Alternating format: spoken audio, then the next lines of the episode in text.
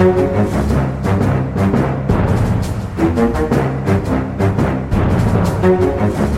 men eh, Da drar vi i gang med en ny episode av Aftenpodden. Eh, vi er på plass selv om det er juli og ferie. Og ferien markeres eh, ved at Trine Eilertsen, som sitter her i studio, god dag, god dag, God dag, god dag. sitter i boblejakka med en eh, liten eh, bøtte med iskrev. Ja, liten bøtte is og en eh, liten dunjakke, må jeg understreke. For det er så kaldt inne og ute. Et bilde på Sommer-Norge anno 2019. Ja. ja. I eh, Sandefjords eh, vakre skjærgård, i en eh, bil, sitter du, Sara Sørheim. Hallo. Hallo, jeg er veldig veldig varm, men det er fordi jeg sitter inni en bil i sola med vinduene igjen. Så jeg har det som en hund som er glemt på en parkeringsplass. Men, eh, men det er bedre enn å fryse. Så jeg er med. Kanskje noen kommer og knuser bilvinduet på et tidspunkt, eh, Sara.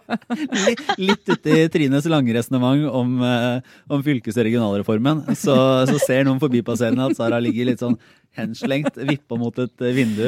Og, For det eneste, eneste som er bra med ikke være i studio med dere, er jo at dere ikke ser når jeg diskré tar opp telefonen og begynner å gå på Facebook når jeg kjeder meg underveis i sendingen. Så det er jo bra. Ja, det er bra. alle Twitter-oppdateringer som kommer eh, nå mellom klokka to på torsdag og eh, fem over halv tre eh, fra Sara Sørheim, de er, de det er venstrehåndsarbeid. Nei, Men Lars, det er ja, faktisk fredag i dag, er det ikke det? Jo. det stemmer!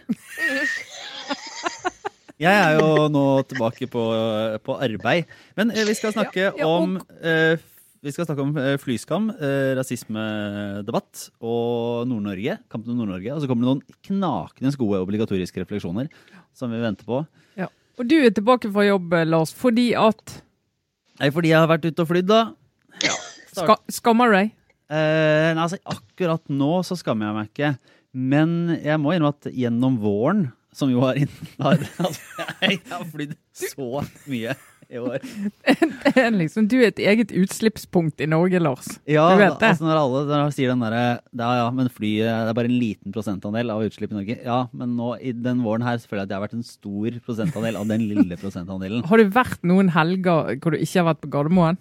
Nei, men nå er det Det er jo Nei, det er vel syv, åtte seks, syv, åtte turer denne år. Og da, da kjenner jeg på det. Nå har jeg litt den der følelsen av å lande på Gardermoen og gå ut, og så kjenner man litt den derre Ja. ah, dette Jeg kan ikke forvente at alle i Norge og verden skal kunne leve sånn som det. Og det gir jo i hvert fall et stikk av, eh, av dårlig samvittighet, da. Så det blir ikke noe mer er flyturer i sommer. Det er litt som at eh, veien eh, liksom bort til Flytoget er liksom den nye Golgata. Når du går der på Gardermoen og kjenner på til spott og spe. Eh, dessuten, Lars, så fikk du også se på vår Facebook-side at eh, man skal passe seg litt også i det offentlige ytringsrommet for tiden. Og klage på ting man opplever når man flyr helt frivillig rundt omkring på langhelger. Ja. Eh, når, du, når du skrev på Aftenpoddens Facebook at det var irriterende med den stemmen til Norwegian-dama på flyet. Oi, ja, da, da fikk jeg klar beskjed at det, her var det andre ting å bry seg om. Ja. Ja, altså, det, det har skjedd noe. Altså, det er jo et eller annet som har snudd i hvordan vi snakker til hverandre når det gjelder dette med å fly. Det er ikke lenger sånn at det er helt kult å, å legge ut sånn Yeah, endelig tre dager fri, drar en tur til Riga og har det litt gøy. Ja. Men så var det jo sånn da at denne uka politisk sånn sett starta med statsminister Erna Solberg, som da fløy inn i denne debatten og slo Ja. fast at nordmenn ikke bør ha eh, flyskam og kjenne på det. Ja. Altså, kan ikke, Trine, hvorfor tror du var det, var det på konkrete oppfordringer, eller hvorfor valgte Erna Solberg å gå inn i det temaet nå? Altså, hva, hva Nei, hun, var, hun var i et sånn sommerintervju i Politisk kvarter forrige fredag, tror jeg det var. Eh, som en sånn avslutning på sesongen-intervju. Og da spurte jo eh, reporter, var vel Astrid Randen, og spurte om hun skulle på ferie, om hun skulle fly. Det skulle hun, Uh, om hun kjente på flyangst. Så hun ble jo utfordret på det. Flyangst eller flyskam? Nei, skrekk. Angst. Nei, guri. Skam. Flyskam. Nei, nå er det så mye følelser her. Angst, skam, skrekk, gru. Ja, ikke angst. Ikke fly, ikke flyskrekk. Fly uh... Herregud, jeg klarer ikke å si det ordet engang. Det er ikke bra. Hun hadde ikke flyskam. Hun hadde ikke flyskam, eh, og hun, eh, og sånn som Erna Solberg av og til gjør, istedenfor bare baller det blir med det, så begynner hun å utdype. Eh, og legge ut om at det syns hun ingen nordmenn egentlig bør ha. fordi at vi, når vi drar på ferie, bør vi ikke ha det. Fordi at vi bor i et langt og kaldt land, og det langt, Hvis du skal til solen, så for mange så er det langt å dra, og fly er en naturlig transportform. Og, ja, så det er ikke der vi skal jobbe med denne politikken, med å påføre folk angst. Vi skal jobbe politisk med utslipp og samarbeide internasjonalt. og du vet, alt det der. Og det utløste, For det første så utløste det jo en sitatsak i alle landets medier, inkludert Aftenposten. Og når vi gjør det, så er det jo fordi at det blir regnet så oppsiktsvekkende at statsministeren sier det. Vi behøver ikke ha flyskam, sier hun. Hun har ingen flyskam. Opplever ikke den følelsen. Eh, og Da blir det reaksjoner eh, på det, og da har det vært en debatt egentlig hele denne uken som har handlet om er dette et eh, begrep som vi kan bruke til noe fornuftig, eller er det bare moraliserende? Er det en diskusjon om vi som sitter her i Oslo, såkalte eliten som flyr i alle retninger, skal vi tro noens beskrivelse, og som bør skjerpe oss og ikke orker å sende, men ikke orker å kjenne på dårlig samvittighet? Er det oss det handler om, eller handler det om de som bor i Bodø og syv varmegrader og ikke har sett solen siden ever, og skal prøve å komme seg av gårde og ikke har togtilbud som kan hjelpe dem noe sted? Jeg ser jo noen sånn som uh, hva skal vi kalle han for det? Jeg holdt på å si 'friend of the pod', men det er mulig han blir fornærmet over å bli kalt det. Men jeg tenker på Eivind Tredal i uh, Miljøpartiet De Grønne, som i hvert fall hører på Aftenpodden og, og ofte irriterer seg over oss. Han har lansert i en kronikk teorien om at det at mange er kritiske til begrepet flyskam, f.eks. Uh, i en leder i Aftenposten, så var vi jo det, eller dere var det, så skyldes det at flyskam rammer overklassen eller øvre middelklasse eliten. Det er vi. Nå sier jeg vi, da, for jeg skjønner at jeg må eh, ta den til meg, jeg også. Men at vi som flyr mye, som ikke liker det fordi vi opplever at vi blir rammet av eh, hele begrepet. Og Det syns jeg er en litt sånn sleip retorikk, egentlig. Fordi jeg mener at det er prinsipielt mulig å være kritisk til bruken av ordet flyskam. Uh, uavhengig av hvilken klasse man tilhører eller hvilke ferievaner man har. fordi det er noe med, som du var inne på, Trine, at miljøspørsmålet Man kan godt mene at det bør løses politisk, ikke gjennom å påføre enkeltpersoner skam. Uh, men jeg ser selvfølgelig at utover det så har Eivind Tredal et poeng når han sier at vi som forbrukere kan jo hjelpe til gjennom å være mer bevisste på hvordan vi legger opp og bruker våre penger når vi skal reise, at vi f.eks. oftere kan ta toget når det er mulig og sånn. Det er bra. Men, eh, men, jeg tenker at det må være lov å være kritisk til flyskam uten å bli anklaga for å være en, eh, en elitist.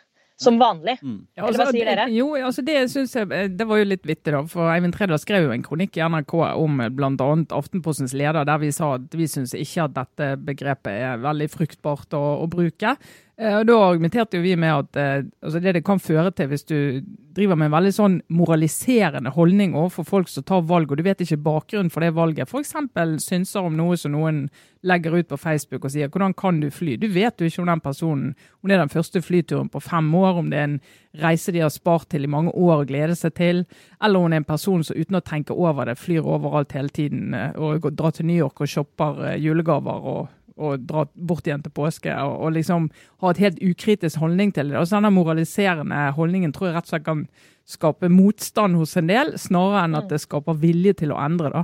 Men dårlig samvittighet er jo ikke noe usunn følelse å ha. Nei, for er Det ikke, det er jo et eller annet med at uh, det, det, er jo beviselig negativ, negativ, klimaeffekt av å fly mye. Og av grep man kan ta i sitt eget uh, dagligliv, så er jo det å droppe en flytur noe av det som vil, vil gi størst utslag. da på, på, det, på årsregnskapet. Så å kjenne på en dårlig samvittighet over å gjøre noe som du vet ødelegger kloden, det kan ikke Ja, og ja, å ha en diskusjon om altså, jeg, jeg, jeg synes jo, Det var, det var jo i den kronikken til Tredal, det var jo vittig, så skrev han jo blant annet Aftenpostens kommentaravdeling, som han tror eh, reiser omtrent jordet rundt på seminar og konferanser. Så tenkte jeg ja, du skulle jo vært med oss på seminar opp til Sogn med T-banen, og vi møter om 350 meter herfra. Kan se hvor utrolig eksotisk tungt reiseprogram vi har. Men, eh, men eh, jeg syns jo at det, du må ha en diskusjon om f.eks., og det var jo litt av poenget vårt i den lederen òg, eh, at f.eks. næringslivet som flyr overalt, og du har ansatte som pendler mellom byer, og du har, bruker nesten ikke videokonferanseutstyr. Eh, her i Skipsted eh, kan jo da reklamere litt mer. Reiser folk altfor mye med fly, selvfølgelig. Men sammenlignet med det de gjorde, vil jeg hevde, da, eh, så bruker vi jo videokonferanseutstyr i en helt annen grad enn vi har gjort før. Det er jo pga. kostnader. Sant? Du måtte kutte kostnader og kutte reiser. Og Da innfører du det utstyret, og så tvinges du etter hvert til å bruke det. Pluss at det er jo ikke noe gøy å reise. Det er ikke gøy å reise i jobben. De fleste skulle ønske de slapp. Skulle ja, ønske de andre, andre alternativ. Mm. Men hvis du da som politiker innfører avgifter og gjør det dyrere å fly, eh, så påvirker du f.eks. næringslivet på en annen måte enn hvis du bare skal appellere til folks skam og samvittighet og sånn. Det, altså, det holder ikke i det hele tatt. Sant? Du må ha litt sånn tøffe tiltak for å, for å endre atferd. Men selvfølgelig den enkeltes valg. Mange av mine venner altså, Jeg har aldri hørt så mange snakke om tog i år. Noen Nei, gang. det, Sant? det- for da vil jeg også si, det også til nevnte Tredal, som har starta en Facebook-gruppe om, eh, om å reise på tog, eh, togferie. Eh, der dukket det ordet togkry opp. Og hvis man først skal drive og stemple liksom, reisevanene sine på en eller annen positiv eller negativ måte, så vil jeg i hvert fall si at det togkry ja, men det liker jeg. Det er en kul måte å, å måtte snakke om dette på. Eh, og det å faktisk ta toget helt bevisst de stedene det er mulig, eh, istedenfor å fly, det mener jeg er en sånn Det bør vi bare venne oss til. Det burde, burde man gjøre. Det er en helt fin, eh, sånn snill pekefinger. Men det fordrer jo også at det faktisk går tog, og at togforbindelsene blir mye bedre. Og nå vet jeg at jeg går inn i et evig langt hylekor, men jeg har beveget meg med buss for tog mellom Oslo og diverse feriesteder nå de siste ukene, og det er jo et lite helvete. Unnskyld at jeg sier det. Det er så vanskelig å komme seg rundt i Norge nå med tog at eh, ja, selv jeg kan bli sånn litt sånn rasende og få lyst til å skrive stygge ting om Vy på, på Facebook. Så eh, togkry er bra, men da må det også liksom gå tog. Det er, ikke, det er jo noe sånn derre Krenkorama 2019 over at, at eh, man skal være så redd for å bli altså, redd for å bli påført skam av staten. At man ikke skal kunne bruke et Nei, ord. Lars! Altså, det, det er jo sånn eh, liksom, hvor, hvor, hvor svake og sarte er vi som ikke får, kan, liksom, kan tåle litt kritikk for å fly? Og er redd for å bli skambelagt og gå Nei, men- men- psykiske problemer, liksom? Hva er det Ja, altså, jeg, jeg tror, altså Samvittighet og det med å ta individuelle valg og sånn, det er jo utrolig viktig å gjøre det for å få til en endring. For du kan ikke bare vise til politikerne og si at du må endre meg, politiker. Altså, du må, vi holder nå på å sortere bosset, og vi gjør noe mye greier, så det er ikke alltid du vet hvorfor du gjør det og effekten av det, men du, du liksom oppdrar til å bidra, og det syns jeg er sunt i et samfunn at du, at du gjør det. Men jeg tror det med skam når jeg mener det kan være usunt for debatten, så er det for når du ser hvem som bruker det ordet, så er det folk som har veldig lav terskel på å mene om andres valg. Andres valg uten å vite noe om andres liv og tilværelse. Og det er det verste jeg vet. Absolutt det verste jeg vet. Ja, og Hvis jeg kan få legge til on that note, så generelt så er skam tror det er det verste ordet jeg vet om jeg, i den norske ordboka. Altså, skam har blitt misbrukt i alle år, særlig for å påføre kvinner diverse negative, dårlige følelser. Altså, det å skamme seg, ting som er skambelagt, det, Altså, det er liksom i seg selv en dårlig ting. Den eh, onde fetteren har holdt på å si til skam, det er jo ære. sant? Så du, plutselig så er det ærerikt å gjøre det ene og skambelagt å gjøre det andre. Og da er det liksom andre Det er alltid noen på utsiden som skal se inn og vurdere dine valg, og det jeg tror jeg tror ikke Ja, det er kanskje forskjellen på at, vi, eh, på at, eh, på at uh, flyskam er liksom, ja, noe du det er hvordan du vil bli sett av resten av verden, mens du, Ja. kan, mens du kan ha dårlig samvittighet som bare er, bare er en individuell følelse som man selv har. Ja, og så, må jeg si, Ja. jeg har jo sett i min Facebook-feed, så har jeg sett folk som legger ut sånn Å, det ble tog i år, og jeg reiser med alle de hva da, seks ungene, hva vet jeg. Men altså Å, vi er så flinke, og vi reiser med tog. Og jeg vet jo at den personen der flyr alle andre dager i året. Og da tenker du OK, nå, nå er det imagebygging united med å liksom markere denne her ene togturen. Og så sier du ingenting om alle de flyturene. Så, og får masse skryt og hjerter. Nei, vet du hva. Et av mine sånne favorittformater i, i, i dette lille, denne lille podkasten er sånn generelle referanser til en ganske spesifikk eh, post i sosiale medier. Det, jeg, det har vi gjort alle sammen. Som er sånn Når folk gjør det så, så veit du bare at det er én familie med seks barn som er Ja, det, det- nå tok jeg seks, for det, det er ikke presis, for ikke familien skulle identifiseres. Så det er et annet antall barn. Ja, men det er veldig bra. Nei, men eh, Vi fortsetter. Jeg skal ha et lite godt, men ubekreftet rykte eh, for å holde det vi liker, inn i sommeren. Eh, dette er faktisk en eh, liten føljetong. Det er eh, en oppfølging av det gode, men ubekreftede ryktet, eh, som selvfølgelig er helt sant, om at eh, landbruks- og matminister Olaug Bollestad eh, var i ferd med å ta jegerprøven eh, nå i vår. Ja. Og da kan jeg opplyse alle om at eh, Olaug Bollestad nå har klart jegerprøven, eh, og således er parat til å drepe både den og den andre. Storvilt, småvilt. Ja, akkurat det er jeg ikke usikker på. Det, er, det vet jeg ikke helt. Om det er, er det to forskjellige prøver, er det hva, dette kan jeg ingenting om. Nei. Det må jeg si. Men må man ha jegerprøven for å være landbruksminister? Har vi snakket om dette før? ja, du, Er det- du må ja. ikke, men du må ha det for å skyte, Sara. Så jeg vil anbefale Ja. deg å ta. Også... Jeg så, kommer aldri til å skyte noe som helst. Ja. Så kan folk, eh, folk kan vurdere om de føler seg tryggere eller mindre, mindre trygge av å gå rundt i en skog der Olaug Bollestad står med et våpen.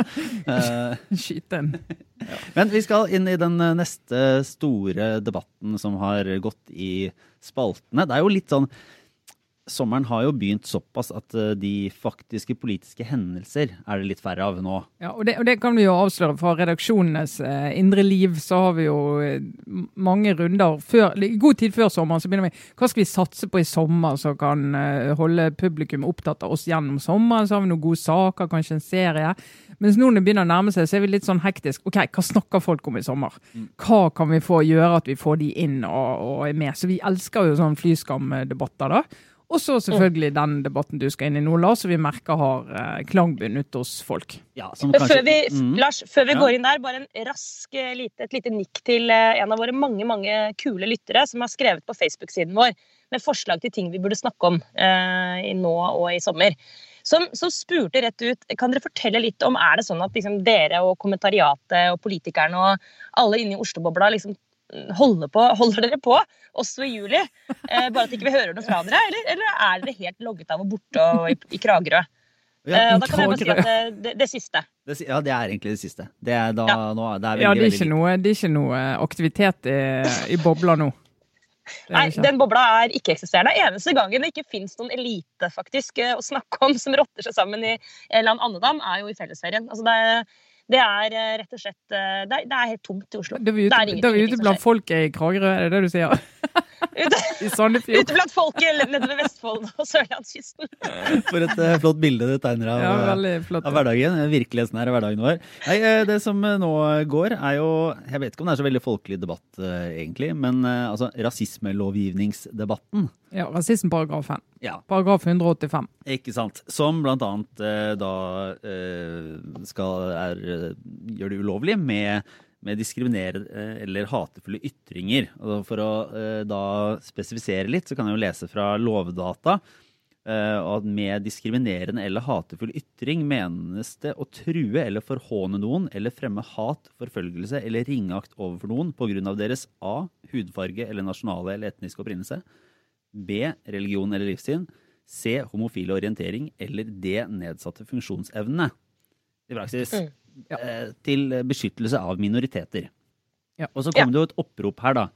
Eh, som vel var starten på denne debatten, som, som mente at denne paragrafen egentlig bare bør fjernes, fordi det er så vagt hva som ligger i, i paragrafen og i punktene Mm. at, uh, at det ender opp med å ikke straffe noen ting, eller straffe meningsytringer. Og meningsytringer skal uh, være fri og ikke straffbare. Og Ja. Der er det vanskelig å skille mellom noe som vil være hatefullt, og noe som, uh, ja, i- som ikke vil være det, og, og hvordan det skal følges opp. Ja. Og så Ja, og bare for å følge opp det, Lars. Påstanden i, den, i det oppropet også, som bl.a. Nina Wittoszek og Pål Weiden og Elin Ørjasæter og Nina Hjelpseth Østli og eh, Vetle Lid Larsen, faktisk. En del uh, skribenter og akademikere har undertegnet. Så uh, hevder du også at i et liberalt demokrati så hører ikke sånn, den typen begrensning av ytringsfriheten hjemme. altså Ikke på noen som helst måte. At vi må finne andre måter å kontrollere det offentlige ordskiftet på enn å liksom si at noen type ytringer er forbudt. da. Så det er for så vidt en prinsipiell argumentasjon. Eh, det er ikke fordi de ønsker seg mer, eh, flere rasistiske ytringer i offentligheten, men, men de mener rett og slett at prinsipielt så, så er det veldig vanskelig å eh, forene det å skulle forby noen ytringer med, med den ytringsfriheten vi ellers liksom liker å feire at vi har. da. Ja, og så er det en del som er bekymret for at denne paragrafen blir brukt oftere nå enn eh, før. Det er jo ikke mange dommer eh, som er felt på dette på grunnlag av denne paragrafen. Og som da mener at det, det er noen typer ytringer eh, som blir hardere rammet enn andre. Typiske ytringer mot eh, muslimer, og mens andre typer ytringer ikke blir eh, anmeldt og rammet eh, av paragrafen på samme måte, og mener at det dermed går inn og påvirker debatten på en uheldig måte. Det er utgangspunktet til, til en del.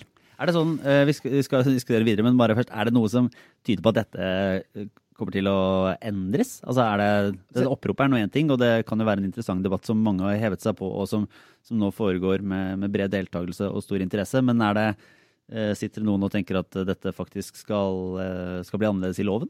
Nei, altså Det som har skjedd, hvis du ser politisk på det, da, det er, jo, det er, jo, ikke noe arbeid, det er ikke noe initiativ. ingenting som foregår nå for å endre dette. Men det som har skjedd, er at både i altså Arbeiderpartiet, men også Torbjørn Røe Isaksen, har jo tatt initiativ til at du skal ha en ny ytringsfrihetskommisjon. Det er ganske lenge siden vi har hatt det.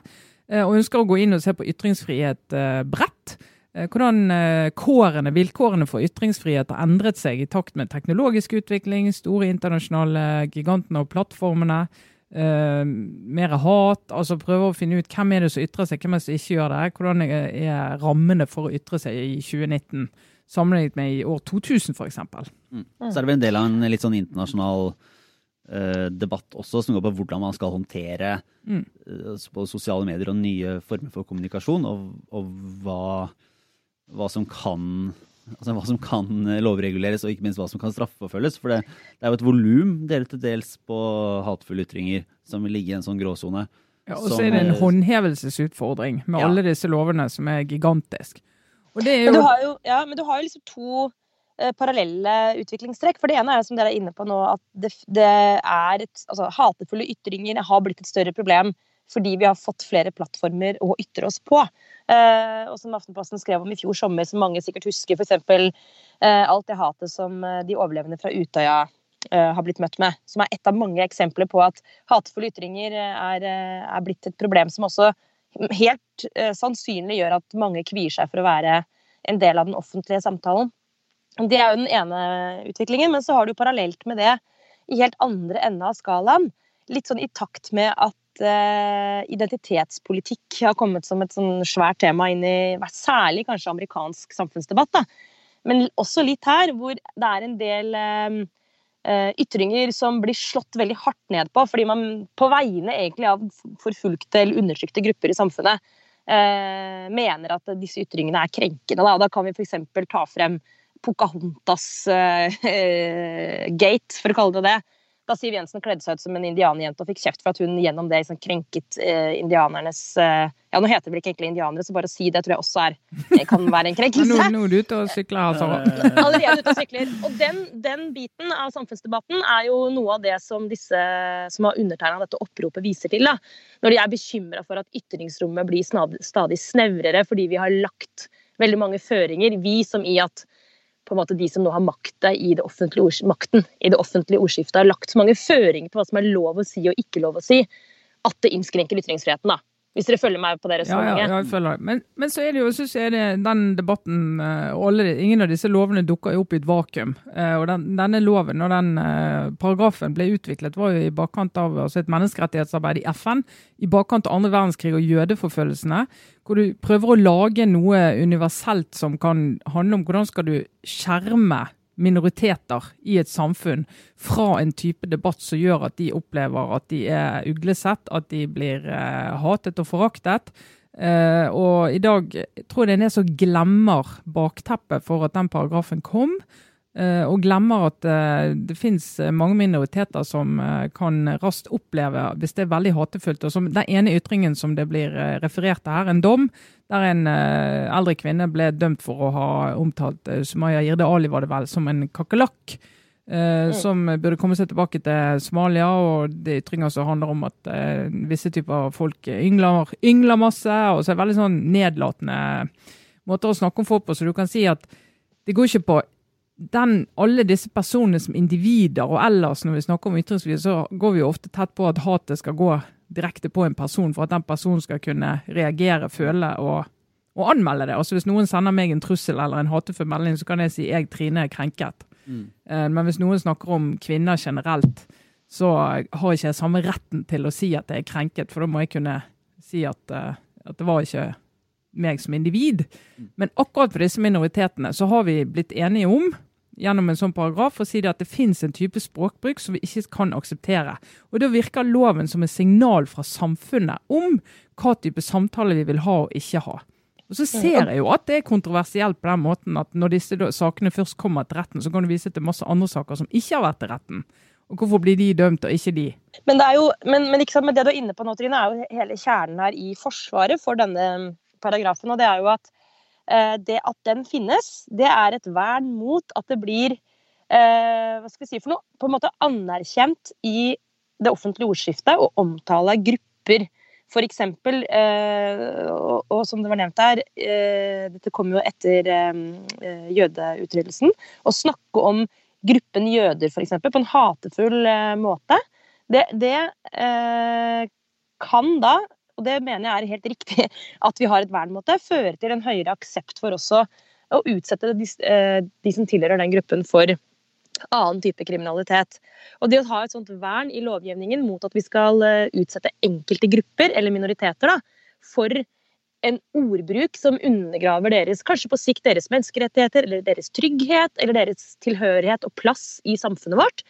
Det har ikke jeg noe problemer med å forsvare. For meg er det en, en verdi som, som, uh, som, det går fint an å forsvare på lik linje med ytringsfriheten. Og at uh, selv jeg, som er en varm, varm forsvarer av ytringsfriheten, ser også at det er mulig å ha annen type lovgivning ved siden av. Um, som ja, den, den, hindrer faktisk enkelte ytringer, men, uh, men, det er veldig veldig få ytringer som faktisk rammes av det.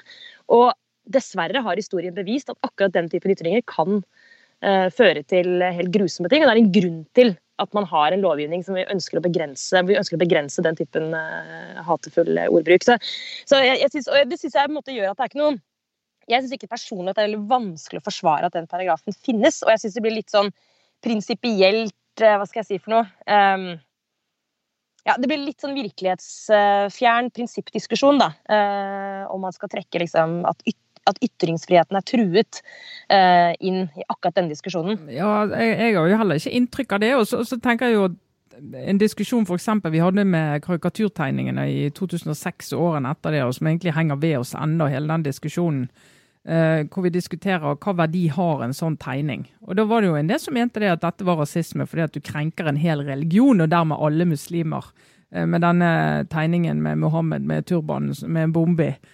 Uh, og i det hele tatt å vise ansiktet til Mohammed. Og, ja, vi hadde hele den debatten der. Uh, det, det gode, mye av det gode som er å si det, var jo at det var mange som lærte mer om islam enn de noen gang har visst før. Uh, ja. Og det var jo viktig og, og riktig for samfunn som våre. Men det andre som noen kan argumentere med, det er at hvis ikke du har disse ytringene som går ut i det rommet der, så får du ikke en diskusjon om hva som er greit og ikke greit. Så hvis, dette er forbudt, ja, men... så hvis alt dette er forbudt, så får du ikke de ytringene som gjør at Nei, men jeg bare prøver å se det fra et annet ståsted, eh, Sara. Så får du, du trodde jeg skulle være uenig med deg? Nei, nei, men så får, du, så får du ikke sett eh, Du får ikke den diskusjonen om de ytringene som gjør at vi kan snakke oss sammen om hvor grensen går. Sånn, at, sånn sett går det an å argumentere for at eh, som med karikaturene, så får du en god diskusjon om altså, det. Grensene skal oppstå i en sånn mer felles enighet? Ja, i en debatt, bestemt, da. Sånn, sånn I en debatt mer enn at du har så, sånn at du får en sånn enighet om hvor grensene går i vårt samfunn. Så vil av og til noen skjære helt ut av det eh, og gjøre ting som du tenker men det her går jo ikke an. Og så vil de trekke seg tilbake for de får så sterke reaksjoner, men de vil ikke bli dømt. Så de, mm. de vil fremdeles ytre seg. Men igjen, det var jo ikke derfor denne paragrafen oppsto, som jeg eh... Nå skal vi til Nord-Norge, der uh, en, uh, en ny, ny, liten vrien nøtt for uh, Jonas Gahr Støre og Arbeiderpartiet. For der Altså I Troms og Finnmark, Finnmark så har vel Arbeiderpartiet styrt siden andre verdenskrig. Hatt flertall ja. hele veien. Nå kommer Senterpartiet og spiser dem. Og det fører til både en utfordring for Jonas Gahr Støre, som har ymtet frampå at det kan være mulig for å reversere regionsammenslåingene. Ja. Og det gir litt indre strid i fagforeningene, som, eh, som eh, har delt ut penger på den ene siden til Senterpartiet og advarer på den andre siden. Som vi skrev om en sak i Aftenposten her eh, nå i, på torsdag. Ja, altså, Jeg vet ikke hvor mange ganger vi har sagt det, men det er ikke lett å være Arbeiderpartiet for tiden. nå er det tre kvarter til valget, og det begynner å haste. Eh, og nå er Jonas Gahr Støre i gang med valgkamp, som den er vel den eneste som er så tydelig i gang med valgkamp av partilederne. Eh, reiser rundt i Finnmark. Det sto han skulle være en uke i Nord-Norge. Eh, og reiser rundt og kommer opp og sier at møter da målinger som sier at nå er Senterpartiet, det store partiet i Finnmark, har tatt hegemoniet fra Arbeiderpartiet. Og Arbeiderpartiordførerne sier du må si et eller annet om fylkessammenslåingen Troms og Finnmark. Og Støre sier at ja, den kan vi godt reversere. Eh, som den siste, vel, som har sagt det på de som er imot det. Altså, de har liksom sagt mye om at de ikke syns at dette er en god prosess. og Jonas Gahr Støre mener jo personlig at Finnmark har en helt spesiell rolle pga. Barentssamarbeidet og samarbeidet i nordområdene. Sånn, men, men, de har jo ikke vært så, så tydelige på det før. Nei, for Bare for å, eh, for å gi en lille oppsummeringa. Altså, I regionreformen så skal Troms og Finnmark bli én. Ja. Ikke sant? Mm. Det er jo mm. slått fast. Ja. Og, men Arbeiderpartiet har i utgangspunktet ikke stilt seg bak den delen, eller? Nei, Arbeiderpartiet i, i Finnmark er jo veldig mot det. Ja. Uh, så er jo Finnmark og Troms ikke enige om dette, men Finnmark de vil ikke dette. Uh, og Arbeiderpartiet i Finnmark er veldig mot det, og nå har Støre sagt at det er greit, vi kan, vi kan reversere det. Så blir det jo veldig store reaksjoner i Troms, da, så jeg vet ikke hvor han er akkurat nå, om han er på vei til Troms eller hvor han er. Uh, altså Det han har sagt, er jo at han legger inn et lite forbehold. at Trine, hvis jeg har skjønt han riktig, sier han ja. hvis politikerne i Finnmark og Troms ikke vil slå seg sammen, da kan vi reversere det. Altså fordi at Arbeiderpartiet ønsker at regionsreformen og fylkesreformen skal være frivillig. Er vel hele poenget der. At, eh, at, de ønsker ikke å gjøre det med tvang. Er det ikke det? At det er der han prøver å kile inn en, et slags mellomståsted mellom Høyre og, og Senterpartiet? Ja. Eller har jeg misforstått? Jo, og da, dermed kommer Viken òg inn den store mastodonten eh, her nede i Sør-Norge kommer også inn, og det blir en diskusjon om det. Men poenget er i hvert fall uansett substans, så kan det jo se ut som om det er litt sånn desperat uh, uttrykk for uh, at Arbeiderpartiet mister grepet i Nord-Norge. Og i hvert fall, altså min lille analyse av dette, det er at Senterpartiet de uh, laget en virkelighetsbeskrivelse rett etter regjeringen tiltrådte og la frem sine reformer om at dette er en sentraliseringsregjering. Sentraliseringen foregår overalt, på alle nivå. Kjempegod Senterparti-historie. Og de viser alle reformene tolkes inn i sentraliseringsdiskusjonen. Eh, og så har Arbeiderpartiet nesten litt sånn bevisstløst slukt hele den virkelighetsoppfatningen. Og argumenterer like mye for at det foregår en storstilt sentralisering som Senterpartiet gjør. Men det er bare det at det er Senterpartiet som har troverdighet på den saken. Det er de som har svar. Så kan du diskutere om de er gode eller dårlige, men det er de som har politikk. Og Arbeiderpartiet fremstår ikke som et parti med, alle, med veldig mange gode svar. De kommer i en sånn mellomposisjon. og de blir liksom hengende etter Senterpartiet, som kan gå rundt med liksom fanen hevet i hele Norge og si hvis du er imot sentralisering, ring oss. Men nå er, nå er jo du reformvennlig da, Trine, for å, for å si det mildt. Si det mildt. Ja, men, men, reformer må vi ha med gjennom ja, mellomrom. Ja. Men, men, eh, men er det, ville det vært noen løsning for Arbeiderpartiet å sagt at og, og meldt seg på Høyre-Frp-laget i disse spørsmålene og, og, stått og forsvart dette? Er ikke det, er ikke det litt sånn Nei, nei, jeg tror ikke blir, det. Blir du blendet av din egen eh, reformentusiasme? Absolutt fare for det, men Nei, altså, jeg, jeg, mener jo absolutt at Arbeiderpartiets opposisjonsparti skal kritisere eh, regjeringens arbeid, men de skal være ganske nøye med hvilke deler av arbeidet de kritiserer, nettopp for å vise at de både er et styringsparti, et ansvarlig parti, og at de dessuten av egeninteresse at de ikke kan legge seg helt opp til Senterpartiet, fordi det er Senterpartiet som er best å være Senterpartiet. Og Hvis det er noe målingene viser, bl.a. i Nord-Norge, så er det jo det. Eh, at det er Senterpartiet som har størst troverdighet på å være Senterpartiet. Eh, og det klarer ikke de helt. Men så kommer den andre saken som vi skrev om i dag. Der er Fagforbundet, som jo har gitt eh, valgkampstøtte til Senterpartiet nasjonalt, når de blir gått på klingen lokalt, så sier de nei, vi kan ikke anbefale våre medlemmer å stemme Senterpartiet, for vi stoler ikke på de eh, lokalt. Og de kan godt gå inn i samarbeid i kommunene som eh, ikke jobber aktivt mot eh, privatisering, konkurranseutsetting, anbud, alt det som Fagforbundet selvfølgelig er opptatt av. Blir jeg redd for at Senterpartiet skal hestehandle seg inn på en høyre side lokalt? Ja, absolutt, og det gjør jo Senterpartiet. Har jo de alltid gjort. saker. det er jo ikke nytt. Det er ikke nytt. Eh, og Senterpartiet har jo ikke De har mange hjertesaker, men sånn antiprivatisering anti og sånn, de kan godt stemme mot det, men det er ikke deres viktigste sak. Så hvis de i et kommunesamarbeid skal forhandle, så er det ikke det de liksom setter hele sin styrke inn på å forhindre. Og de sier jo også det. Nei, men vi vil ikke bekjenne oss til et rød-grønt samarbeid rundt i kommunene. Og da sier Fagforbundet ok, vi støtter det sentralt, men vi, vi kan ikke stole på dere lokalt, så vi oppfordrer våre medlemmer til å stemme SV, Arbeiderpartiet eller Rødt. Og det er det som er det nye. For Da kommer du plutselig et sted hvor Rødt da dette kommer Høyre kommer til å velte seg av glede over at dette har skjedd. For da blir det sånn Se her. Nå Arbeiderpartiet tvinges ut i det røde, ytterste røde mørket i samarbeid med Rødt rundt i Kommune-Norge. Og er det det dere vil ha, kjære lilla velgere? Men dere, altså, dette kommer jo ikke til å gå bra for Arbeiderpartiet, dette valget her. Altså, jeg bare, jeg bare satt eh, kom på han, eh, Hva heter han i redaktøren i Tromsø? Stig Jacobsen, er det vel, hadde en knusende kommentar om, eh, om Jonas Gahr Støre nå denne uken, som var litt sånn Litt upresis, men, men for så vidt ikke til å misforstå. Jeg vet ikke om dere leste det, men hele poenget der er at han mener at Støre ikke fungerer som partileder, er vel egentlig hans poeng, han Stig Jacobsen. Eh, fordi han er vinglete og, og bl.a. blant annet trekker frem dette med, med, regionsreformen. Han er tydeligvis for en sammenslåing av Troms og Finnmark. Han er jo i Tromsø, da, vet du, så han er jo for. Nettopp. Ja. Men, han, men, han, er liksom veldig, veldig svart da, i sin Og, og på en måte avfeie Støre som um, altså Sier egentlig at han er sjanseløs som partileder, kommer ikke til å få til dette her. Og det, det kan man godt debattere og, og hevde at det er uh, litt unyansert. Men, uh, men poenget er bare at dette her, hvis ikke dette går, hvis ikke det skjer noe nå altså Hvis Arbeiderpartiet gjør katastrofevalg og taper masse velgere både til høyre og venstre, så ehm, ja, det er for tidlig, kanskje. Men, men Trine, hva skjer med han da, liksom? Hva, hvordan skal de gå videre fra det? Nei, jeg vet, jeg vet ikke hva de gjør. Ikke, og det kommer jo, nå De store byene er jo viktige for dem. Uh, og ser på resultatene i store byene, og så kommer jo Arbeiderpartiet med rette til å kunne si at det valget i 2015, da gjorde de et veldig godt valg. Da var det jo fremdeles på den bølgen etter, altså reaksjonen etter at vi hadde fått en Frp-Høyre-regjering, den blåeste regjeringen i manns minne. Så var det fremdeles reaksjon på det som Arbeiderpartiet kapitaliserte på i det valget. Så de skulle jo litt ned fra det, men spørsmålet er jo hvor langt ned, og hvilke kommuner de mister. Det blir jo det som blir interessant å se. Oslo blir viktig, Bergen er viktig, Trondheim er viktig. Jeg kommer jo aldri til å miste Trondheim, da, men, men altså, det er en del kommuner som er sånn nøkkelkommuner, som hvis de skal inn i en nasjonal valgkamp er litt viktig for de å ha både som sånn utstillingsvindu, og som for å vite at vi er i siget, viser, viser velgerne at det virker, det vi driver med. Men mm. uh, igjen, altså. Du får ikke den der uh, Senterpartiet kan fint samarbeide med Høyre rundt Norge. Og Høyre de digger at dette skjer. Det kan du bare være helt sikker på. ja, Vi uh, fortsetter inn i litt obligatorisk refleksjon inn i sommeren.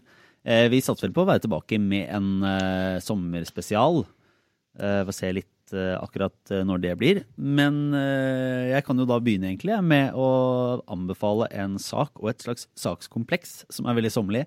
A-magasinet har nå i dag på fredag en hovedsak om denne hva skal jeg kalle den, hyttekrigen på Tjøme. Altså Indreflen i, i Oslofjorden, vil mange si. som er en Det er egentlig en, en, en forteller historien som allerede for, fortjenstfullt er eh, forklart og fortalt av eh, bl.a. Tønsberg Blad, som gjorde en, eh, en, god innsats som fikk et såkalt Scoop-diplom, altså en sånn gravejournalistisk pris for hvordan de har sett på hvordan kommunens byggesaksavdeling har fungert opp mot utbygginger av hytter på disse flotte, fine tomtene langs sjøen. da.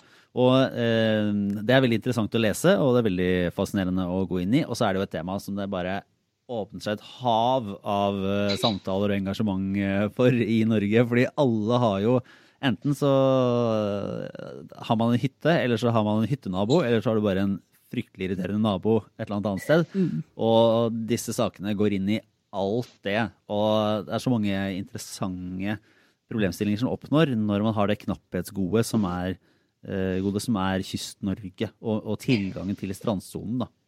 Men jeg kan jo bidra med litt uh, real life-erfaring på det akkurat nå, Lars. Ja. For jeg er jo i den uh, luksussituasjonen at jeg har muligheten til å feriere både i Østfold og Vestfold. Fordi våre, altså, min familie har liksom hytte på begge steder. men det er noen store forskjeller. Det er ganske likt landskap, men her i Vestfold, hvor jeg er nå, så har de jo håndholdt denne strandsoneloven knallhardt. Altså her er det fri, friområde elskerne som har vunnet i ganske stor grad. Da. Så her er det kyststi. Store deler av områdene rundt her vi ferierer her i Vestfold, er det en sånn åpen kyststi langs vannet. Mens i Østfold, i Hvaler kommune, hvor jeg også noen ganger er på ferie, der har de vært litt mer slepphendte med å tillate utbygging. Rett og slett tror jeg fordi kommuneøkonomien der har vært så svak så mange år at de, de kanskje ikke har hatt så mye valg. De har ønsket at folk skal komme dit og bygge for å, for å, få opp innbyggertallet, blant annet. Så der er det mye, i mye større grad liksom sperra av store deler av kysten. og Der har du ikke disse kyststiene som disse åpne områdene i like stor grad. Da.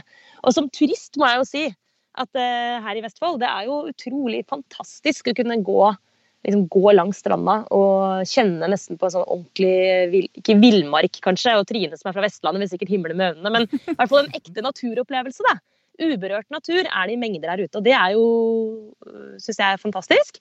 Men bare helt til slutt, det har jo ikke skjedd av seg selv. Altså, det er så høyt konfliktnivå her i Vestfold rundt uh, Jeg kan jo se Hva var det Sarah Palin sa? I can see Russia from my house. Uh, altså, I can see, jeg kan nesten si Tjøme from my cabin. Uh, og det er ikke det eneste stedet her. Også rett rundt hjørnet hvor vi er, så har det jo vært eh, skikkelige konfrontasjoner mellom hytteeiere og um, lokalbefolkning. Og senest i går, kan jeg røpe, så var jeg med en slektning og gikk tur. Hvor hele turen egentlig var basert på at vi skulle gå over området til en av disse folka som driver og tar seg til rette her. Mm. For, for å holde vår hevd. Nettopp. For det er nemlig veldig viktig. Vi må gå på de stiene. Ja. Ja, men, det, men dette er viktig. Altså, jeg kommer jo fra en del av landet der eh, en del sier at hvorfor har vi strandsonelovgivning? Det, det bor jo knapt folk langt denne, langs denne kyststripen, eh, og folk må jo få lov å bygge der de vil. Men så er jo jeg vokst opp på en øy rett utenfor Bergen. Eh, og der med hytter og noen heldige da, som hadde hus helt nede i vannkanten. Eh, vi var ikke blant de. Og jeg vokste opp altså med fritt utsyn til havet, men nesten ikke tilgang. Fordi Da må du gjennom eh, private hytteeiendommer og folk sine hager. og vi, Da vi var barn, så ble vi kjeppjaget av eh, hytteeiere. og Vi visste jo ikke noe om strandsonelovgivning og at vi egentlig hadde rett til å bade fra svaberget. Selv ikke Trine Eilertsen Åtte kom løpende med paragrafen. Og gjorde ikke det. Men, men, det, men det er litt sånn eh, for, det- for det er veldig store forskjeller i Norge. Det er Oslofjorden og så de områdene tett på Bergen, rett, eller de store byene. Eh, Der er det ikke veldig mye tilgang, og der du, der du har såkalt fri tilgang, der er det jo stupbratt rett ned i sjøen eller masse skog og trær, og det er egentlig ikke tilgang. Og du må ha båt for å kunne være på sjøen. Eh, Så der, og derfor, så er Argumentet da, ja, men resten av Norge der må jo få kommunene holde på hvordan de vil. Og ja, det kjøper jeg. Jeg er med på at det skal være forskjeller mellom kommunene. Selvsagt skal det for det er forskjellige typer, eh, forskjellige innbyggertall og forskjellig antall turister og alt dette her, og nesten ikke hytter noen steder. Eh, Og skal ikke da de som bor der få lov å ha det som et gode, at de kan få lov å bygge helt ned i sjøkanten og sånn, ser poenget med det. Men samtidig, tilgang til sjøen er en knapp ressurs. Og den eh, må du være veldig nøye med å privatisere og legge over til eh, enkeltpersoner på vegne av en hel befolkning i all fremtid. Så jeg er ganske hard på strandsonelovgivning. Det Altså. har, det har på sånn de som strekker plattingen sin en meter ekstra. Ja, Da må storsamfunnet slå, slå ned. Nei, altså, det er jo, det er jo gråsone her. Og det er jo, for å si det sånn, nå har jo jeg og hytte rett ved sjøen, sant? på en holme. Jeg liker at jeg har fått fått fram det folkelige i Ja, ja, i Aftenpodden i dag. Ja, vi har fått frem det. Så der, akkurat den hytten tror jeg kan si en hytte på en holme på Vestlandet. Det er ja, det var i hvert fall ikke sånn Det ligner ikke på mye av det du ser fra, fra din hytte, i hvert fall, eh, Sara. Men det er klart det at eh, på den holmen, da, så du vil jo ikke at folk skal komme og sette seg på bryggen, men de har jo rett til det, egentlig. Eh, og på Svaberget, i hvert fall. Rett bortenfor, sant. Og så sitter Jo, du og kjenner på det. Ja, men Ja. Unnskyld, nå kom hytte, hyttestemmen inn her. Men, men vi også har her hvor vi holder til, et sånt svaberg hvor det hender at det er noen som har lagt i land med båten, men som tilhører vår tomt. Men da kjemper jeg mot storfamilien her ute og sier at det må vi godta. Det er prisen å betale for at vi kan gå rundt her på halvøya og ha eh, tilgang til, eh, til havet. Og vi snakket i begynnelsen av sendingen om dette med flyskam, sant? og hvilket ansvar har du som privatperson når det gjelder liksom ting som egentlig man tenker at bør løses i politikken. Og Her er vi inne på et annet eh, felt, nemlig som jeg nevnte i stad. Dette med å bruke naturen sånn at man beholder hevden på disse stiene og disse småveiene rundt omkring. Mm. Så det vil jeg bare si, der, har min, der er jeg faktisk helt med på en liten sånn privat eh, aksjonsform. Gå tur på de stiene, de etablerte stiene. Ikke slutt å bruke dem. For det er det som gjør at, og for da kan man faktisk med loven i hånd si at her har du ikke lov til å stenge, for dette er en sti som brukes. Mens ikke vi bruker den, så kan man rettere liksom sette opp gjerder og, og Ja, stenge ja. veien. da. Her er du nå, Lars. Nei, nei, det, var, det er fint. Her går det her på en måte livsråd og, eh, og politiske analyser i eh, svært fri dressur. Altså. Her er det. Men eh, Sara, vi hopper videre. Din obligatoriske refleksjon inn i eh, helgen og sommeren. Ja, nå har vi brukt opp tiden, Lars. Vi får gjøre det ganske, tror jeg. Så vi kan gjøre det litt kort. Men, eh, men jeg skal si først bare at uh, kantarellsteder har jeg tenkt å snakke mye om en gang. Jeg skal ikke gjøre det nå. Men eh, det kom jeg på nå når vi snakket om sånn, hva som er liksom sånn hytte, sånn hyttetema. Det får vi ta en eventuelt sommerspesial. For det er omtrent like mye krig om det som det er om uh, tilgangen til havet her ute. Men nei, du, jeg, bare, jeg kan egentlig bare anbefale, for jeg syns han hadde så godt poeng, eh, Arbeiderpartiets Jan Bøhler på Facebook. Han uh, driver ikke bare og lager sånn veldig, veldig pinlig uh, politiske video eh, Ja. sanger på YouTube. Som han jo også gjør. Nei, han har noen ganger synes jeg, ganske gode, gode politiske poenger, og denne uka så la han ut eh, en refleksjon, faktisk. Så er den jeg skal rappe nå. Rundt eh, mindretallsregjeringen som akkurat har kommet til Danmark.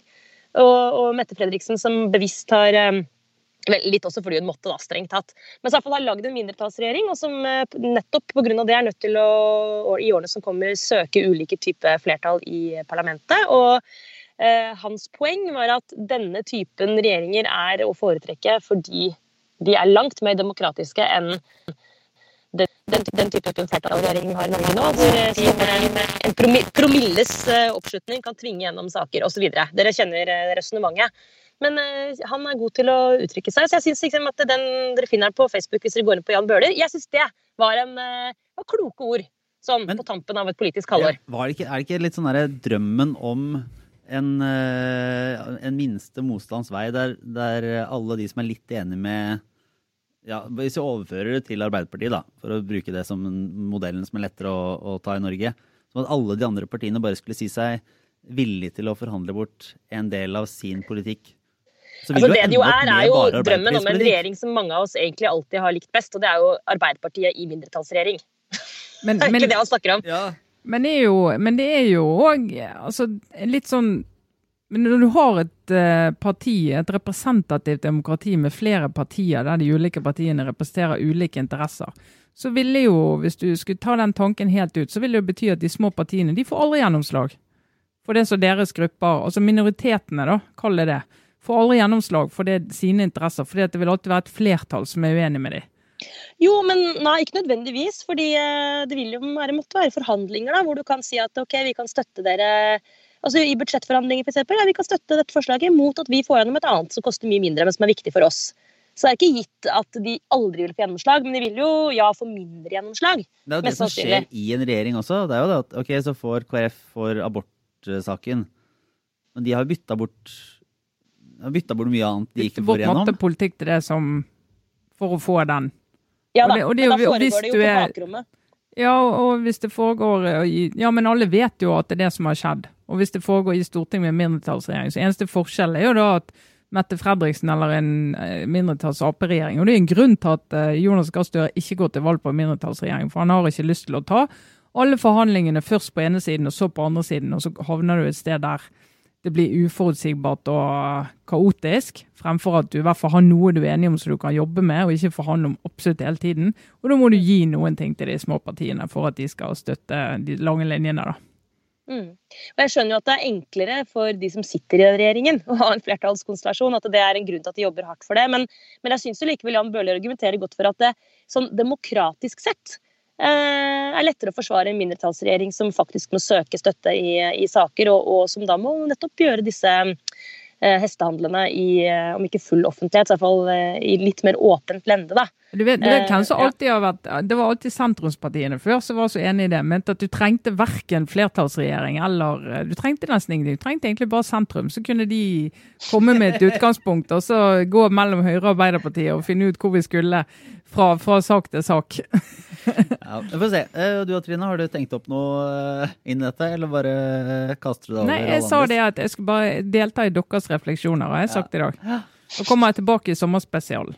Ja, ikke sant. Og så, nei, men Da, Trine, siden du Er, du, er, du litt, er, du, er hodet ditt allerede litt sånn inn i den ferien som skal begynne om 20 minutter? Ja, og jeg kan bare si jeg skal ikke til Kragerø, jeg skal til Nord-Norge og Vestlandet. Jeg synes liksom det, det, ble for varmt her østpå, så nå tar jeg med meg den andre dunjakken, og så reiser jeg nordover og vestover. Ja. Ikke, ikke, noe flyskam? Ikke noe, blir ikke noe flying? Eh, jo, jeg skal faktisk fly til Nord-Norge, men jeg skal kjøre til Vestlandet. Ja. Ja. Det er godt det at du også får flydd litt innimellom. Ja ja, jeg får jo flydd litt, jeg. Herlighet. Kan jeg bare si at jeg skal ikke fly et eneste sted i sommer. Jeg tar toget, eller det vil si jeg tar buss for tog. Eh, men jeg kompenserer med veldig mye veldig dyr rødvin. Ja. Men det tror jeg ikke er noe miljøsvinting å gjøre. her, det det? Jeg tror du går soleklart inn som den moralske vinneren av, yes. eh, sommeren 2019. av sommeren 2019 i Aftenpåden-reaksjonen. Ja, Endelig! Ja. Takk! Eh, da takker vi for oss. Og så er det nå skal jeg se, jo, det er, jeg er ikke sikker på om det er flere billetter enn til showet vi har i Bergen 4.9. Eh, det, Nei, det vet er ikke muligens utsolgt, men det kan gå an å finne det på Ticketmaster Ole Bull scene. Ja. Hvis det er noen helt, helt få igjen. Ja. Uh, uansett, vi tar ikke helt sommerferie, for vi satser på å komme tilbake med en sommerspesial. Ja. Uh, Men vi takker for oss fra, for denne gang, i hvert fall. Det var Trine Eilertsen, Sara Sørheim og jeg, Lars Glomnes.